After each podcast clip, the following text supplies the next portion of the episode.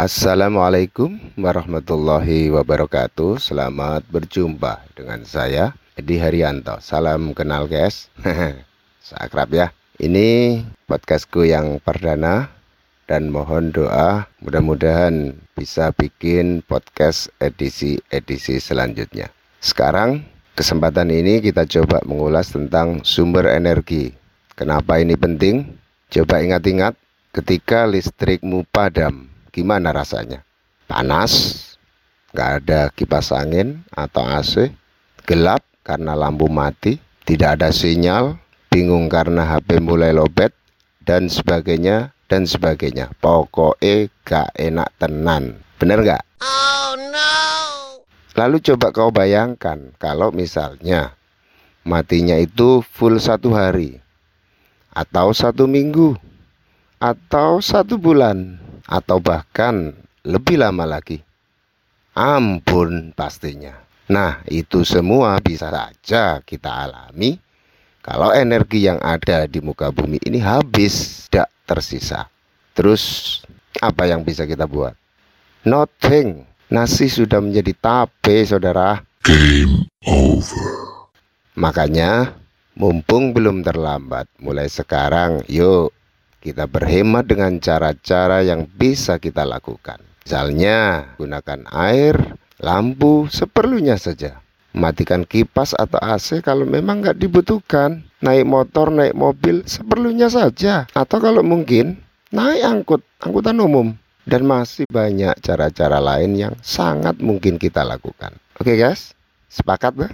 Tapi sebelumnya mari kita mengenal dan belajar tentang bagaimana energi ini diperoleh.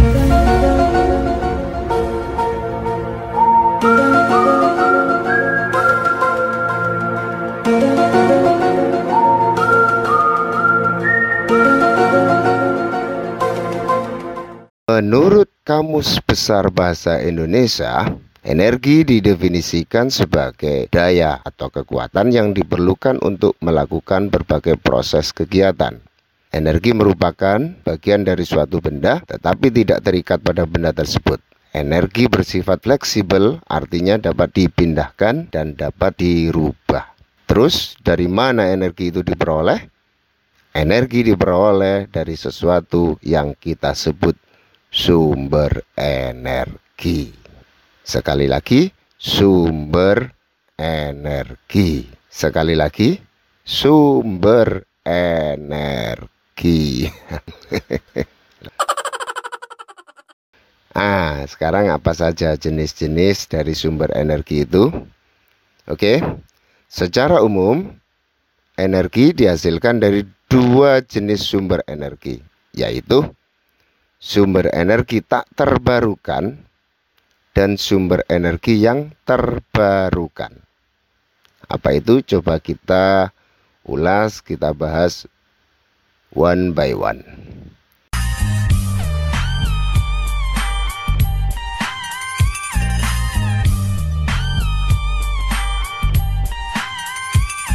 Yang pertama, energi tak terbarukan adalah energi yang diperoleh dari sumber daya alam yang waktu pembentukannya sampai jutaan tahun. Dikatakan tak terbarukan karena apabila sejumlah sumbernya telah dieksploitasi, maka untuk menggantikan sumber sejenis dengan jumlah yang sama hampir pasti tidak mungkin. Maka energi tak terbarukan bisa habis. Energi yang tidak terbarukan ini kita bahas satu persatu dulu ya. Nah, yang berasal dari fosil di antaranya adalah yang pertama batu bara. Aneh ya, batu kok membara, batu kok bisa terbakar.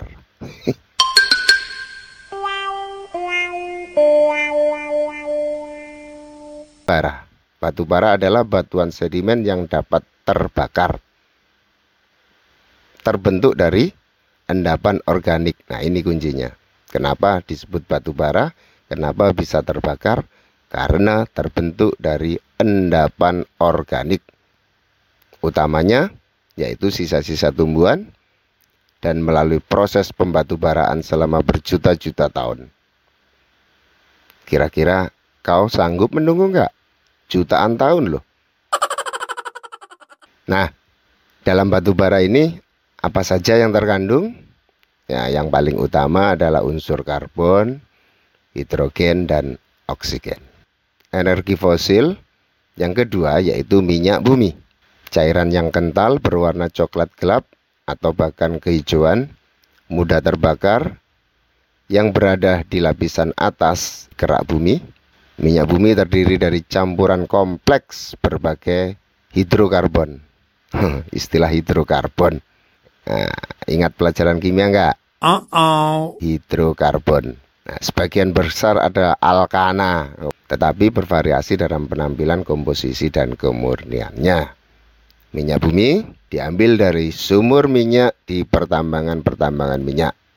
Lokasi sumur minyak ini didapatkan melalui proses studi geologi, analisis sedimen, karakter struktur sumbernya, dan sebagainya, dan sebagainya, dan sebagainya. Ingin tahu lengkap? Belajarlah geologi, geofisika, dan geogeo yang lain.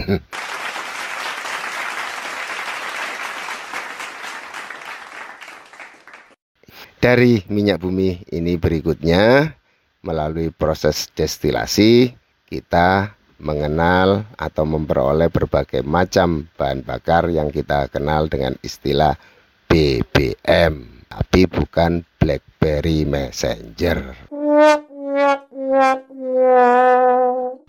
melainkan bahan bakar mie minyak energi fosil yang ketiga yaitu gas alam Sesuai dengan namanya tentu ini adalah berupa gas. Gas alam juga disebut gas bumi atau gas rawah. Adalah bahan bakar fosil berbentuk gas yang terdiri dari metana CH4.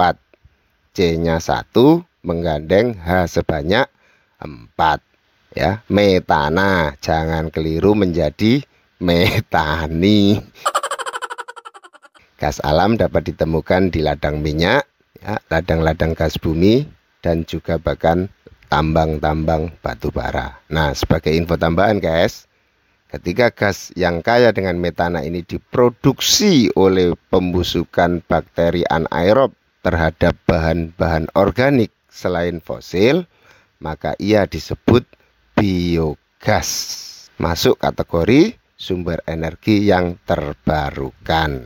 Banyak terjadi di rawa-rawa, tempat pembuangan sampah, kotoran hewan. Ya. Oke guys. Kemudian untuk energi yang tidak terbarukan yang kedua, ya cukup sederhana pembahasannya, yaitu yang berasal dari mineral alam. Contohnya, misalnya adalah uranium atau mungkin mineral-mineral alam yang lain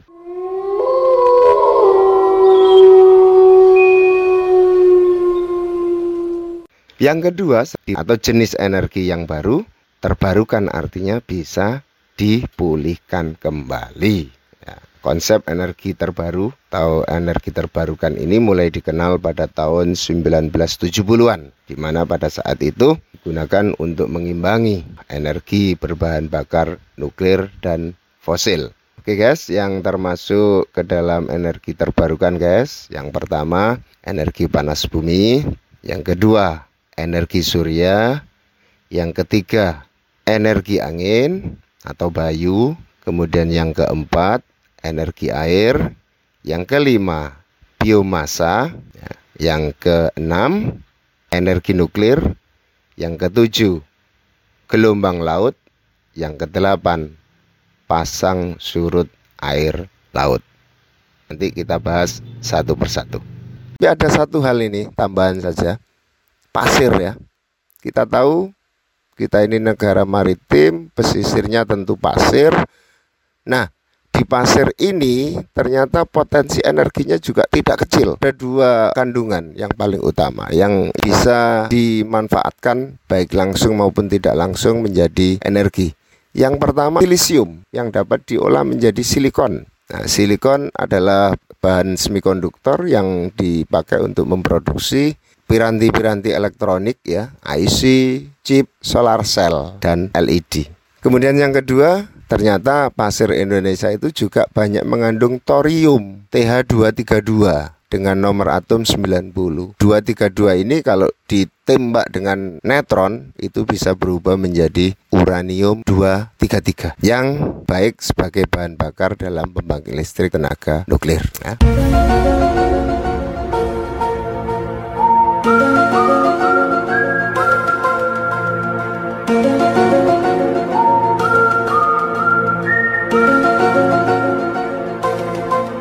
Terakhir ya dari masalah masalah energi ini maka yang perlu kita bahas adalah dampaknya.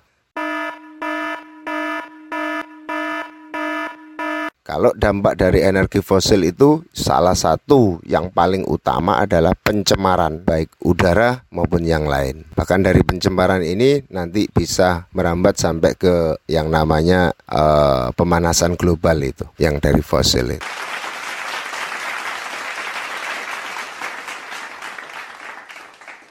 Kemudian dampak lain yang juga tidak kalah berbahayanya adalah geotermal. Ya, kita tahu geotermal itu air panas yang berasal dari dalam bumi itu yang berbahaya. Kalau yang termanfaatkan itu air mengalir yang dipanaskan oleh panas bumi dengan sumber yang dari permukaan bumi mungkin tidak masalah. Tapi air yang berasal dari dalam bumi atau dalam kerak bumi itu yang berbahaya. Kenapa? Karena ternyata air yang berasal dari dalam bumi itu banyak mengandung logam-logam berat dan logam-logam berbahaya lainnya. Nah, ini kalau sampai ke permukaan bumi, dia bisa mencemari tanah dan sebagainya. Bahkan ya, air panas yang dihasilkan dari proses geotermal ini ketika dibuang ke lingkungan juga sangat berbahaya. Maka ada suatu teknik air yang keluar itu disalurkan menggunakan pipa bertekanan tinggi dimasukkan lagi ke dalam kerak bumi sehingga tidak mencemari lingkungan. Dan yang ketiga, dampak lingkungan yang juga tidak kalah berbahayanya bahkan jauh lebih besar ini adalah energi nuklir, sampah nuklir. Sampah nuklir ini sangat berbahaya. Dia bisa mencemari udara, dia bisa mencemari air, dia bisa mencemari tanah. Pernah ada kasus ini ya, mungkin dua atau tiga bulan yang lalu itu cesium. Cesium ini termasuk unsur radioaktif.